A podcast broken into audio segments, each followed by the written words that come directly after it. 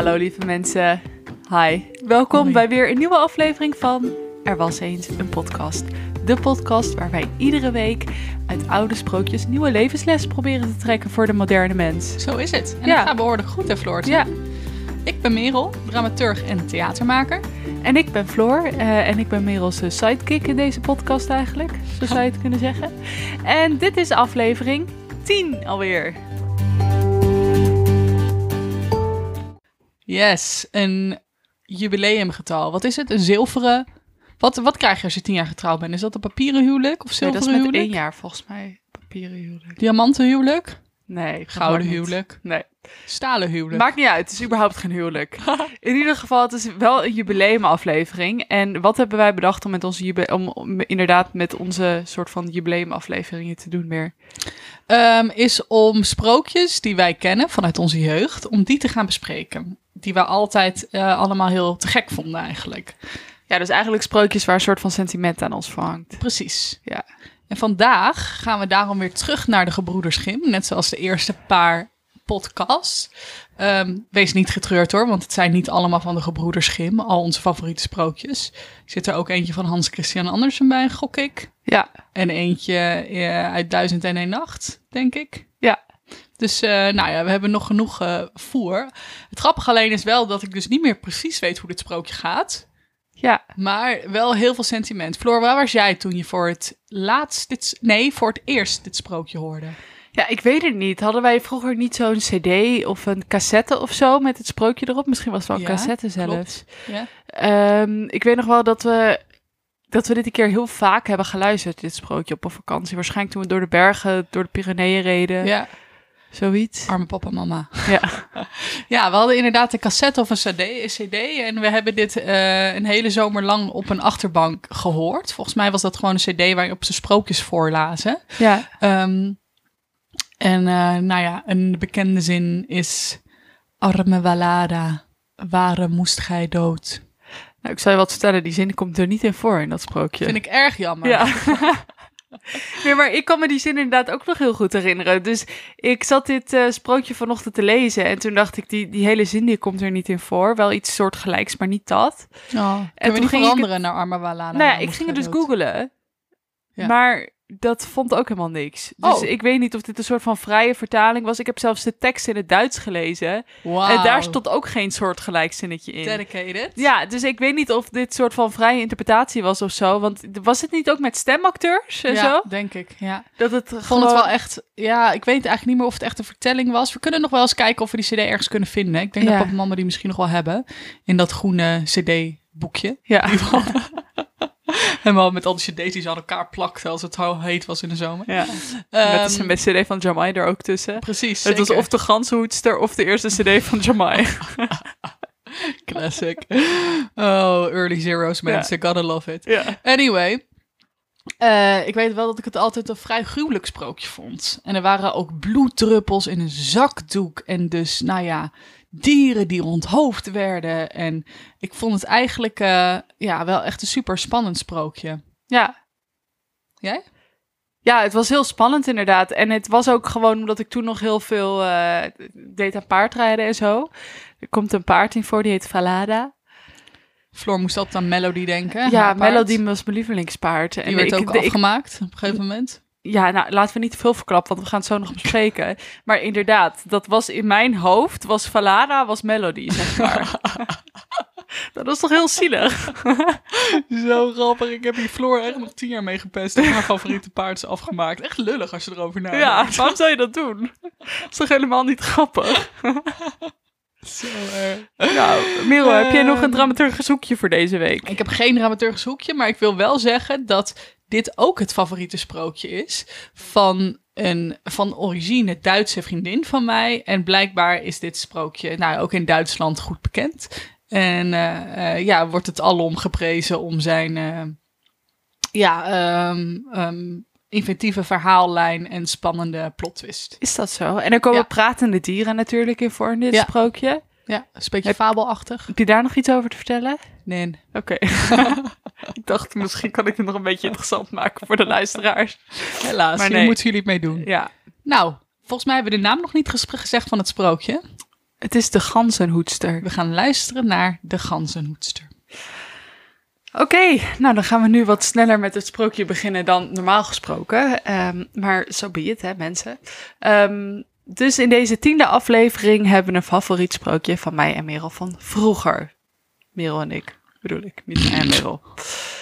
Oké, de ganzenhoedster. Ben je er klaar voor, Merel? Denk je dat het je oude, je oude herinneringen gaat verpesten? Ja, ik kan hem me dus echt niet meer zo goed herinneren. En ik heb nog nooit het verhaal gelezen, volgens mij. Dus Nee. ik ben wel benieuwd. Terwijl we dit boek toch al zeker twintig jaar hebben. ook niet zo dedicated was je dan ook weer niet. Nee. Nee, oké.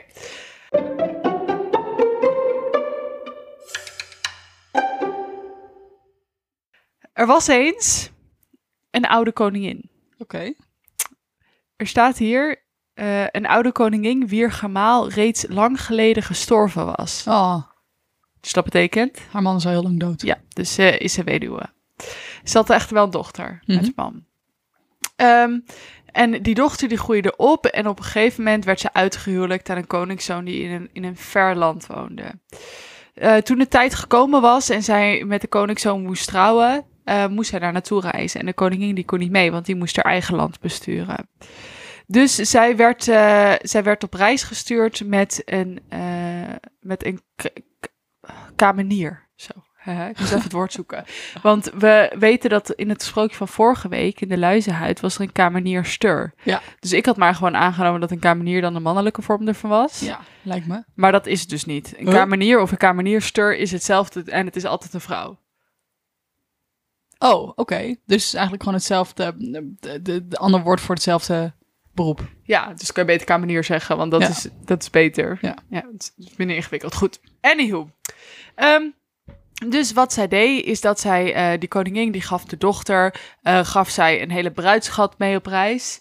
En de, de reed de kamenier met haar mee naar dat verre land. En wat de koningin ook deed, is dat zij naar de slaapkamer ging. Ze pakte een mesje, eh, prikte daarmee in haar vinger. En daar vielen drie bloeddruppels uit haar vinger op een zakdoek. En die zakdoek gaf ze ook mee aan haar dochter. En ze zei tegen de dochter: Lief kind, bewaar dit goed. Je zult het onderweg nodig hebben. Hoe weten al die mensen dat? Dat ze, en die moeders dat eigenlijk, wat ze hun kinderen later nodig gaan hebben? Nou, heel eerlijk, je zal het zien dat ze het ook niet echt nodig heeft. Oh. Dus- Totaal voor niks zichzelf verminkt. Oké, ja, ga verder. precies.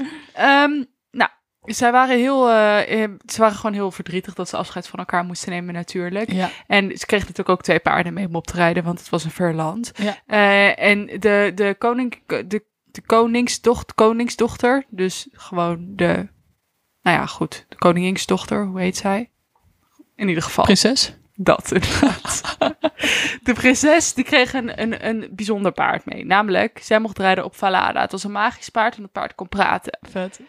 En de kamenier die moest gewoon op een normaal paard. Nou, ze gingen onderweg. En eh, eerst was het nog best gezellig. Eh, ze reden ze lekker naast elkaar.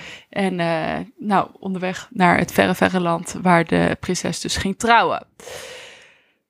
Na een paar uur gereden te hebben, kreeg de prinses echt een, gewoon dorst, heel erg dorst. En ze zei tegen haar kamenier, stijg af en schep water uit de beek met de beker die je voor mij hebt meegenomen. Ik wil graag wat drinken. Waarom kan ze dat zelf niet doen? Nou ja, goed, dat zei de kamenier ook. Die zei basically van, doe het lekker zelf, dan ben je bitch niet. Ik bedoel, heel eerlijk. ben je bitch niet? Nou. Letterlijk wel, maar goed, anyway. Ja. Maar de kamenier zei, kom maar zelf van uw paard af, ga maar bij de water liggen en drink maar. Ik heb geen zin om een dienstmaagd te zijn. Echt? Ja, Wauw. ja. Oké. Dus toen steeg de koningsdochter af en zij had zoveel dorst en zij eh, bukte over en zij had dat, die beker, die had de kamenier dus, dus ze had niet eens een beker. Dus ze moest gewoon een beetje met een mondje zo open gaan liggen in de beek, totdat er water instroomde. En ehm, toen sprak zij, ach god, en de drie bloeddruppels op haar borst antwoordden, uit het zakdoekje, wat de moeder haar had Ja. gegeven, die antwoordden haar, als uw moeder weten zou, van smart haar hart te breken zou. Oké. Alleen maar Ja. omdat zij zelf gewoon haar eigen drinken moet regelen. Beetje Ik bedoel, overdreven, het is maar niet goed. heel aardig anyway. van de kamenier, maar Nee. ik bedoel, you'll survive, girl. Ehm, nou goed, de koningsbruid was deemoedig. Oh ja, de koningsbruid, zo wordt ze de hele tijd genoemd. Dus de prinses is hetzelfde als de koningsbruid. Ze werd deemoedig, vind ik een mooi woord. Eh, ze, ze zei niks en besteeg weer verder haar paard. Nou, toen rijden ze, reden ze weer wat verder. En eh, de, de- later op de middag, toen het een hele warme dag begon te worden, toen had de koningsdochter, de koningsbruid weer dorst, dus de prinses. Nou, toen zei ze weer tegen de kamenier: stijg af en geef mij uit mijn gouden beker te drinken. Want zij was al lang weer vergeten dat de kamenier zo bitchy tegen haar had gedaan. een paar uur eerder. En de kamenier zei tegen haar: Als u wilt drinken, dan drinkt u maar. Ik heb geen zin om uw dienstmaagd te zijn. Nou, dus zij weer bij dat beetje, hoofd het beetje leggen, mondje open, water naar binnen stromen. en zij zei weer, ach god. En de bloeddruppels antwoorden wederom, als, u, als uw moeder weten zou, van smart haar hart te breken zou. En toen dronk zij, maar ze boog zo ver voor over. En blijkbaar had ze nogal wat decolletage, deze meid. Want die bloeddruppels, dat zakje met die, zakdoekje met die bloeddruppels, die vielen gewoon uit haar corset, eh, corset en dreven mee Ah, in de stroom. ah, het laatste van de, van de moeder. Ja, Zet. dus die had ze er niet meer. Maar wie dit echter ook zag, was de kamenier. En die dacht, haha, nu zij die bloeddruppels niet meer in de corset heeft, eh, is de koningsbruid is zwak en machteloos geworden. Hoezo? Weet ik niet. ik bedoel, het waren maar bloeddruppels. Zo valt ze nou ook weer Ja, niet. Maar nee. misschien had de kamenier ook wel zoiets van... Ja, dit is soort van wel iets van de koningin. De koningin durfde ze dan misschien net niet tegen in te gaan. Maar tegen de prinses dacht ze... Ja, ik heb hier gewoon helemaal geen zin in. Nee. Dus, I don't know. Maar wat er dus toen gebeurde... eh, is dat de kamenier die zag dit, die zag van, oké, dus de prinses is zwak en machteloos geworden.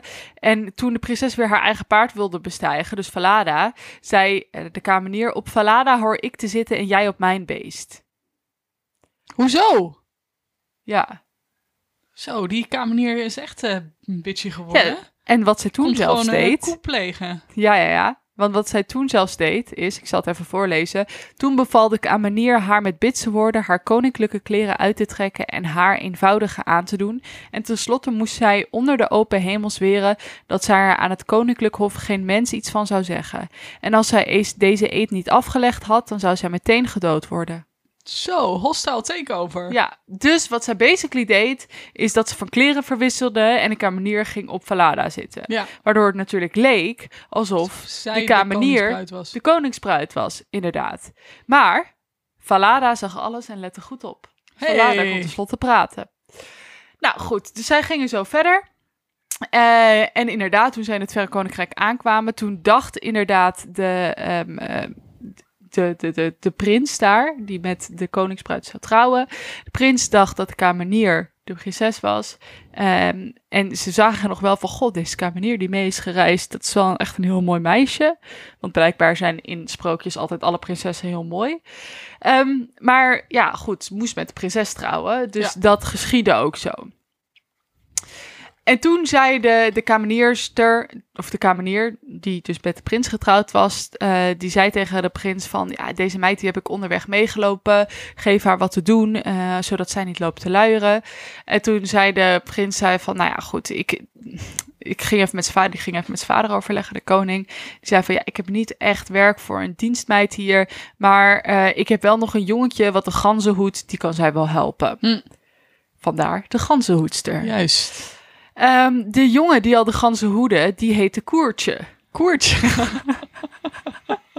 Waarom krijgt hij wel een naam trouwens? Ja, als enige. Koertje. Koertje. nou, goed. Toen zei de valse bruid, de kamenierster wordt nu de valse bruid genoemd. Oh ja, oké. Dus, hè, die zei tegen, tegen de jonge koning, dus tegen de prins eigenlijk, zei ze, liefste gemaal, ik vraag u vriendelijk mijn genoegen te willen doen. En hij antwoordde, dat wil ik graag. Zei ze, nou, laat dan eh, alsjeblieft dit paard, waar ik op, op ik hier naartoe ben gereden, laat het hoofd van die paard afhakken. Want dit is een heel vals paard en heeft mij heel veel ongeluk bezorgd onderweg. Nee, Ja. daar is het hoor. Daar Ja. gaat Valada. En dat was natuurlijk omdat zij bang zou zijn dat Valada zou verraden wat er gebeurd was. Want Juist. Valada kon praten. ja. Maar ik denk, Maar heeft ze dat Valada zijnde dat dan lekker gelijk uit als, Ja. daar, als je daar aankomt. maar, maar dat deed Valada dus niet. zit op me. Ja, of stijger even. I don't know. Maar Ja. je hebt best wel wat agency hoor, als zo'n paard. Ik Ja. bedoel, even je best doen. Nou ja, goed. Valada's hoofd werd afgehakt en Valada's hoofd ehm, werd eh, boven de poort gehangen. Ook echt luguber. Eerlijk? Ja. Serieus? Daarom vond ik dit sprookje dus zo eng.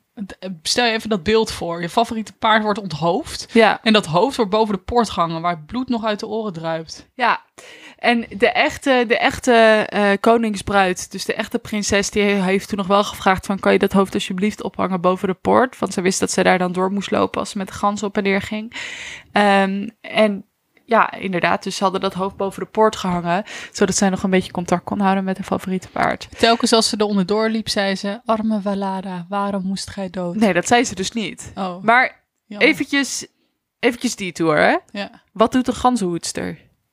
Die ehm, gaat met de ganzen wandelen en neemt ze daarna weer mee terug naar binnen. Maar waarom moeten die ganzen wandelen?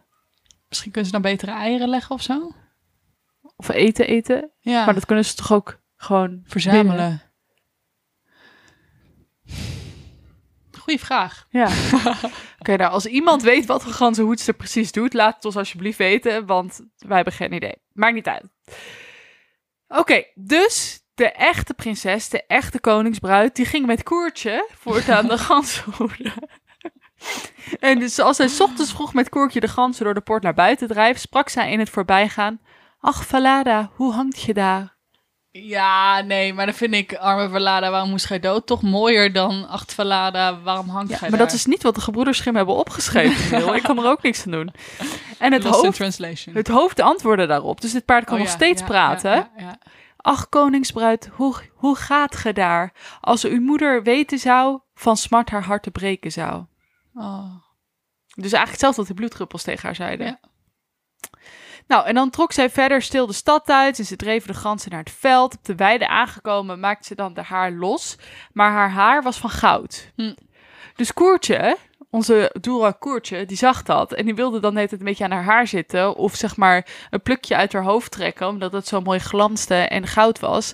Maar wat de koningsdochter, de, koningsbruid toen deed, is dat zij zei, waaien, waaien windje, pak Koertje zijn hoedje, jaag hem er achteraan, tot ik het kammen, vlechten en kappen heb gedaan. Hmm. En wat er toen gebeurde was dat er een soort van windhoos kwam. Die blies het hoedje van Koertje af. Koertje moest er achteraan rennen totdat, totdat zij de haar had gedaan. En toen, ze, toen Koertje eindelijk zijn hoed weer gevonden had, toen eh, Had ze daar weer vast. ja, had ze de haar weer vast. chill. Dat kan ik me niet herinneren, dit gedeelte. Nee. Nou ja, het grappige is dat dit precies de volgende dag weer opnieuw gebeurde. Oh ja, typisch. Ik bedoel, je zou denken, Koertje, heb je dit nog niet geleerd? Lijm die hoed vast op je hoofd of hou hem even in je hand vast of zo. Maar goed, toen dit de volgende dag dus weer gebeurde, was Koertje, die was er gewoon een beetje klaar mee. Dus de Ja. Koertje die ging naar de oude koning en die zei van, met dat meisje wil ik niet langer de gans hoeden. Waarom niet, zei de koning. Zei ze, ach, zij plaagt mij de hele dag. En toen zei, ehm, toen zei de koning, nou, wat dan? En toen vertelde Koertje alles. Dus het Koertje die zei tegen de, tegen de koning van, eh, nou, het ochtends praat zij ten eerste tegen dat paardenhoofd. en dat paardenhoofd cray. zegt dat zij een koningsbruid is. Ja. Maar dat was Koertje dan weer niet opgevallen. Hij vond het gewoon irritant dat hij de hele tijd haar hoedje liet afwaaien. Oh, koertje. Eh, dus Koertje dit alles verteld. Eh, en toen zei de koning van, nou, dit wil ik eigenlijk wel zien dan. Dus de volgende ochtend verstopte hij zich toen zij naar buiten liepen. En toen hoorde hij inderdaad eh, daar, daar, daar met Valada spreken. En toen ging hij hun ook achterna naar de ganzenweide. Zag hij inderdaad haar mooie gouden haar. En de koningsbruid die deed weer precies hetzelfde met de wind. Dus het hoedje van Koertje werd weer afgeblazen. Koertje denkt, pot voor drie dubbeltjes. en rent weer achter zijn hoedje aan. Ja, ja, precies. Nou ja, goed. Koertje die is... eh, die heeft er wel verraden, maar die heeft er nog helemaal niks van geleerd. Nee, Letterlijk. nee. Toen kwamen ze s'avonds weer terug. Dus toen was het de derde dag. Hè? Dit hele tafereel is ondertussen drie keer gebeurd. Hij ging, de oude koning die ging naar de ganzenhoedster s'avonds en die zei van... Joh, wat, wat, wat is er nou eigenlijk met mij gebeurd? Wie ben jij echt? En de ganzenhoedster zegt, ja weet je, dit mag ik helemaal niet zeggen. Eh, en ik mag ook aan niemand mijn leed klagen, want dat heb ik onder de open hemel gezworen, omdat ik anders om het leven gebracht zou zijn. Oeh. Dus wat zegt de koning? Die zegt eh, tegen haar van, als je mij niks mag zeggen, klaag dan tegen die ijzeren kachel over je leed. Chill. Dus de koningsbruid, a.k.a. de die denkt van... Ja, nou, inderdaad. Ik ga wel in deze ijzeren kachel zitten... en jammeren en klagen over wat me allemaal is voorgevallen. Chillings. Goed, goed, een goede tip van de oude koning. Dus zij, eh, zij gaat in die kachel zitten en zij gaat jammeren en zij gaat klagen. Zij vertelt alles wat daar is gebeurd en ze zegt: Daar zit ik nu door de hele wereld verlaten, hoewel ik toch een koningsdochter ben. Een valse kamenier heeft mij met geweld gedwongen mijn koninklijke gewaden af te leggen en heeft mijn plaats bij mijn bruidegom ingenomen. En ik moest als ganzenhoedster nederige diensten verrichten. Als mijn moeder weten zou, van smart haar hart te breken zou.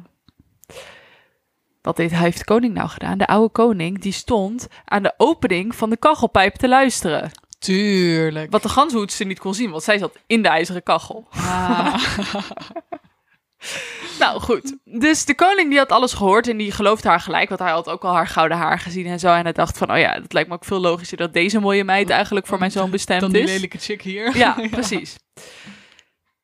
De koning die riep zijn eigen zoon bij zich en onthulde dit hele verhaal. Dus dat hij eigenlijk de valse bruid had. De valse bruid, dat is dus de kamenier. Eh, en dat de echte hier stond, dus de ganzenhoedster. En de jonge koning was zielsgelukkig toen hij haar schoonheid zag. Oh. Het is wel eh, erg uiterlijk gericht allemaal, ja, hè? vind ik ook hoor. Ja. Dat ik denk, maar ik denk dat hier het uiterlijk ook symbool staat voor hun innerlijk natuurlijk. Ja, precies. Nou, wat deden ze toen? Is dat ze een grote, groot feestmaal gingen organiseren. Daarbij zat ook de valse bruid, a.k.a. de kamenier. Ja. De kamenier, die, eh, de, de zat er dus ook bij, de, de echte koningsbruid. De kamenier ehm, was verblind en herkende de anderen niet meer in haar stralende tooi. Dus zij was eigenlijk soort van zo blij dat dit gelukt was. eh, en zo zelf ingenomen dat zij niet herkende dat de ganshoedster daar ook gewoon aan tafel zat. Dus wat gebeurde er toen? Oké, dit is echt, dit is echt heel dom. Hoogmoed komt voor de val, hè mensen? Ja, nou precies. Er staat hier, ik ga dit even voorlezen. Toen zij nu gegeten en gedronken hadden en wel gemoed waren, gaf de oude koning de kamenier een raadsel op. Wat heeft iemand verdiend die haar heer zo en zo bedrogen heeft? En hij vertelde daarop het hele verhaal en vroeg: welk vonnis heeft zo iemand verdiend? Dus wat hij dus basically doet, is dat hij het hele verhaal van de kamenier en de ganshoedster vertelt. En de zij denkt niet van Herkent dat niet. zij, nee, zij denkt niet in dit geval van, oh, dit gaat klinkt wel mij. heel erg over mijn verhaal. Ja, sorry, Laat ik maar als je wegrennen zo of stupid zo. bent, dan verdien je het ook om eh, straf te krijgen. Ja, precies. Nou ja, goed. Wat, want daarop zei zij dus, zo iemand verdient niet beter dan spiernaakt uitgekleed en in een vat gestopt te worden dat van binnen met scherpe spijkers is beslagen. En dan moeten er twee witte paarden voor gespannen worden die haar door de straten moeten slepen totdat zij dood is. Gadverdamme. Ja. Dus Wat dat zegt nou zij. voor cure? Toen zei de oude koning, nou goed, dat ben jij. En je hebt je eigen oordeel geveld en dit vonnis zal vertrokken worden. Shalas! Well, that backfired. well, well, well. En How dat the was tables have turned. maar dit is dus precies wat er gebeurde met de kamenier. Ehm, en toen trad de jonge koning in het huwelijk met zijn echte bruid... en regeerden zij hun rijk in vrede en gelukzaligheid. Jeetje. Nou, ik, heb, ik herinner me echt heel veel niet hiervan. Nee, En zeker niet dat vat met spijkers op het einde. Eigenlijk herinner ik alleen nog maar de paard boven de poort. ja. Ja, en Koertje had je ook niet herinnerd, zeker? Nee. Nee, Maar kwam die daar wel in voor eigenlijk? dat, dat denk ik wel. Koertje. Maar hoe dom is dat? Dat letterlijk haar eigen verhaal aan haar verteld wordt. Ze zijn er pas drie dagen. Het is niet alsof ze Oh, daar al tientallen jaren zijn. Ja. Ze zijn er pas drie dagen als het goed Ja. is. En dan vertelt de koning precies tegen haar wat er drie dagen eerder zich heeft voorgedaan. Ja. En zij zegt niet van, oh, dat klinkt, dat klinkt als mijn verhaal. Laat ik me hier uitproberen te praten. Of zij zegt gewoon van, nee, ja, dezegene moet Ik berecht zou worden. echt zeggen... Oh, ja, iedereen maakt foutjes. Ik zou diegene Ik zou diegene geen straf geven. geen straf geven, maar gewoon hier in het paleis laten wonen, gratis. Ja. nou, was dit een beetje wel zoals je verwacht had? Eh, nee, niet helemaal, want ik herinner me dus heel veel niet. Maar ik vond wel echt wel een, een mooi verhaaltje. Ja. Ja, echt wel eh, van genoten. Wat, wat denk je dat, eh, dat... Ten eerste, wat denk je wat de significantie is van die drie bloeddruppels dus? Ja, nou ja, je ziet het natuurlijk vaker terugkomen in dit verhaal. Hè? Dus je hebt drie keer dat die wind zo blaast met dat hoedje. Drie keer, eigenlijk de derde keer dat de kamenier haar vernedert, eh, neemt ze helemaal over. Je hebt drie bloeddruppels. Dus drie is echt wel van significantie hier in dit verhaal. Ja. En drie is natuurlijk het godsgetal eigenlijk. Hè? Dus dat heeft met vroomheid te maken en met, ehm, ja, symboliseert de heilige drie-eenheid, zeg maar. Dus dat Ja. heeft ja, daarmee wel te maken. Ja, dus de drie bloeddruppels. Wat ik alleen niet snap. Valada is dus een magisch paard, hè? Ja, Ze kan praten. ja maar waarom praten ze Vervolgens zo praat ze niet. Behalve als ze dood is en haar hoofd daar hangt. En ze zegt alleen maar, oh, wat zou je moeder dit een verdriet doen? Dat ik denk Ja, van, begin. heeft niks gezworen. Valada die kan gewoon tegen de hele koning en iedereen vertellen wat er is voorgevallen. Maar er staat niet in van op het begin hebben ze even een leuk gesprekje of zo met dat paard. Nee, Heel raar. ja. Waarom zou je dan laten praten? Nou ja, ik bedoel, wat is het hele nut van dat magische pratende paard als ze vervolgens niet praat? Ja. Alleen maar eventjes als haar hoofd is opgehangen bij, ja. bij de poort. Ja. Ja. Wat denk je dat de moraal van het verhaal is? Nou, ik denk dus dat zeg maar een thema of een soort van iets wat wel terugkomt in dit verhaal is dat ehm, eigenlijk wat de koningsbruid doet is dat ze wel ehm, eh, zeg maar trouw blijft aan zichzelf ja. en niet gemeen wordt, ondanks dat zij Ja. in nou niet, ik zou niet willen zeggen afschuwelijke omstandigheden, want ze was gewoon een ganzenhoed. Ze volgens mij had ze het best goed in dat paleis. Het was niet alsof ze het heel erg had of zo. nee. Maar ze werd natuurlijk wel van de troon gestoten. En Ja. toch werd zij niet gemeen of kwaad. Ja. Of, ik bedoel, ze had wel iets meer voor zichzelf op kunnen komen, heel Ja. eerlijk gezegd. Maar victim blaming doen we niet hier. Nee, Nee. vind ik ook. Nee. Ja, nee, vind ik ook. Ik vind ook dat het spreekt eigenlijk van haar goede karakter. ja. Ehm, En ik denk ook inderdaad dus dat haar schoonheid eigenlijk dus ja. hier symbool staat voor het feit dat zij heel goed is van binnen. Ja, En dat is natuurlijk wel meer met sprookjes. We zien heel vaak dat mensen lelijk of mooi zijn. En de lelijke mensen, die zijn er ook vaak lelijk in hart. In, in hun hart, zeg maar. Net zoals bij Assepoester ehm en de stiefzusters. zeker. Ja, en dat zie je nog steeds natuurlijk ook in. in Ook bij Vasilissa, literatuur. bij- Ja. Met de twee stief, eh, stiefzusters, weet je wel, dat zij zo, dat zij zo mooi was. En dat iedereen met haar wilde trouwen, maar niet met de stiefzusters. Dat was ook omdat zij mooi Goed, was je van ziet dat binnen. ook in, in, in, in toneelwerken, in klassieke toneelliteratuur. Je ziet het natuurlijk ook, eh, ja, Hollywood heeft er natuurlijk ook een handje van om de populaire meiden eerst heel mooi te laten zijn, maar daarna worden ze, weet je wel, lelijk of zo, tussen aanhalingstekens. Wat natuurlijk ook in Mean Girls gebeurt, weet je wel, dat Ja. Regina George zo heel mooi wordt en dan eh, op een gegeven moment, ze wordt op het einde steeds lelijker. Hè? Ze Ja. breekt de rug, ze wordt, eh, ze wordt dik, ze wordt dit, ze wordt dat. Ehm, ja. Ja. En de makeovers van lelijke meisjes naar hele mooie meisjes. Oh, dat zat eigenlijk altijd al in hun, die schoonheid. Zeg maar. Ja. Ja, en bij mannen is het eigenlijk veel minder zo dat zij of heel lelijk of heel mooi zijn. Dus ja. daar wordt dat minder bij gezegd, behalve... Nou, bij Disney is het natuurlijk wel altijd een knappe prins. Ja. Bij... eh, en bijvoorbeeld in het, voor, voor, het sprookje van vorige week... bij de luizenhuid was het natuurlijk wel dat... De, eh, de man waarmee zij trouwde, die was lelijk omdat hij gebocheld was. Ja. Maar die was ook lelijk omdat hij haar eigenlijk had bedrogen. ja, maar precies. Ja. Dus, dus daarin zie je dat, dat daarin natuurlijk ook zijn innerlijk doorschijnt. Ik bedoel, dat doet me echt denken aan, eh, aan Richard III bijvoorbeeld. In het toneelstuk van Shakespeare. Ik heb het veel over Shakespeare op de een of andere manier. Maar het komt omdat ik afgelopen half jaar toevallig heel veel met Shakespeare ben bezig geweest. Waarin hij ook misvormd is. Het staat ook letterlijk in de regieaanwijzingen. En dat is ook een soort van om eh, ja, zijn innerlijk en zijn uiterlijk te spiegelen eigenlijk. Maar eh, het is wel grappig, want als we het over het Chinese sprookje hebben, wat we hebben besproken, de beschilderde huid, Ja, daar was juist de mooie vrouw, was een duivel. Ja. Nou ja, precies. En ik denk dat je dat natuurlijk ook ziet. Ik bedoel, het kan ook naast elkaar bestaan. Dat je zo'n soort van mooi en puur en rein hebt aan de ene kant. En aan de andere kant is er ook een soort van trope, toch? Dat te mooie vrouwen eh, bedriegen of heksen zijn of wat dan ook. En dat is natuurlijk ook een, iets wat wel leeft, ook in populaire cultuur. Van, eh, ja, als je te mooi bent, dat kan niet goed voor je zijn of wat dan ook. Nou ja, ik ben benieuwd of dat echt zo is, want zoiets heb ik hier bij de gebroeders Grimm of bij, zeg maar, westerse sprookjes nog niet gelezen. Nee, maar dat, dat is ook mooie echt vrouwen bedriegelijk zijn. Ja, maar dat is precies het verschil tussen eh, de rol van de vrouw in die sprookjes, wat ik heb Ja. uitgelegd ook bij de beschilderde huid. Ja. Precies, dat daar vrouwen meer soort van valstrik zijn. Ja. En ja, precies. Oké, maar moraal van het verhaal meer. Wat is de moraal van het verhaal deze week? Een soort van blijf altijd trouw aan jezelf? Blijf altijd trouw aan jezelf. Ehm, als je een koep pleegt, gaat waarschijnlijk niet lukken. Zeker niet als je een pratend niet. paard bij je Zeker hebt. niet als je een pratend paard bij je hebt.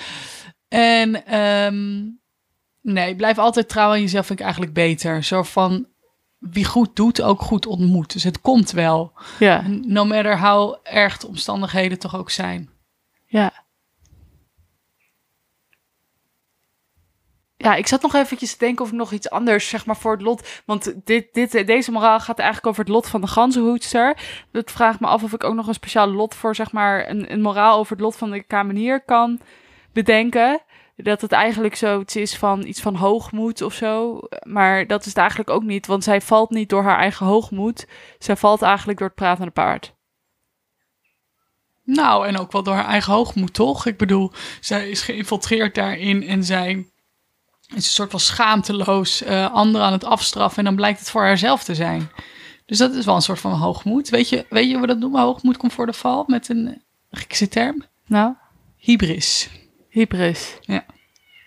En dat is, eh, nou ja, heel letterlijk de, ja, hoogmoed komt voor de val. Dus letterlijk de Icarus die te dicht bij de zon vliegt en dan zijn de wax tussen zijn vleugels laat smelten en dan de zee instort. Ja, misschien had zij de dood wel kunnen voorkomen als zij dan niet zo hard, zeg maar, over anderen had geoordeeld in die rol. Precies. Ja. Ja. Oké, dus opzommend. Moraal van het verhaal. Blijf trouw aan jezelf en hoogmoed komt voor de val. Ja. Dus dat is eigenlijk ook weer gewoon blijf trouw aan jezelf. Ja. Precies. Maar dan op een andere manier. Op alle lagen komt dat thema terug, Floor. Ja.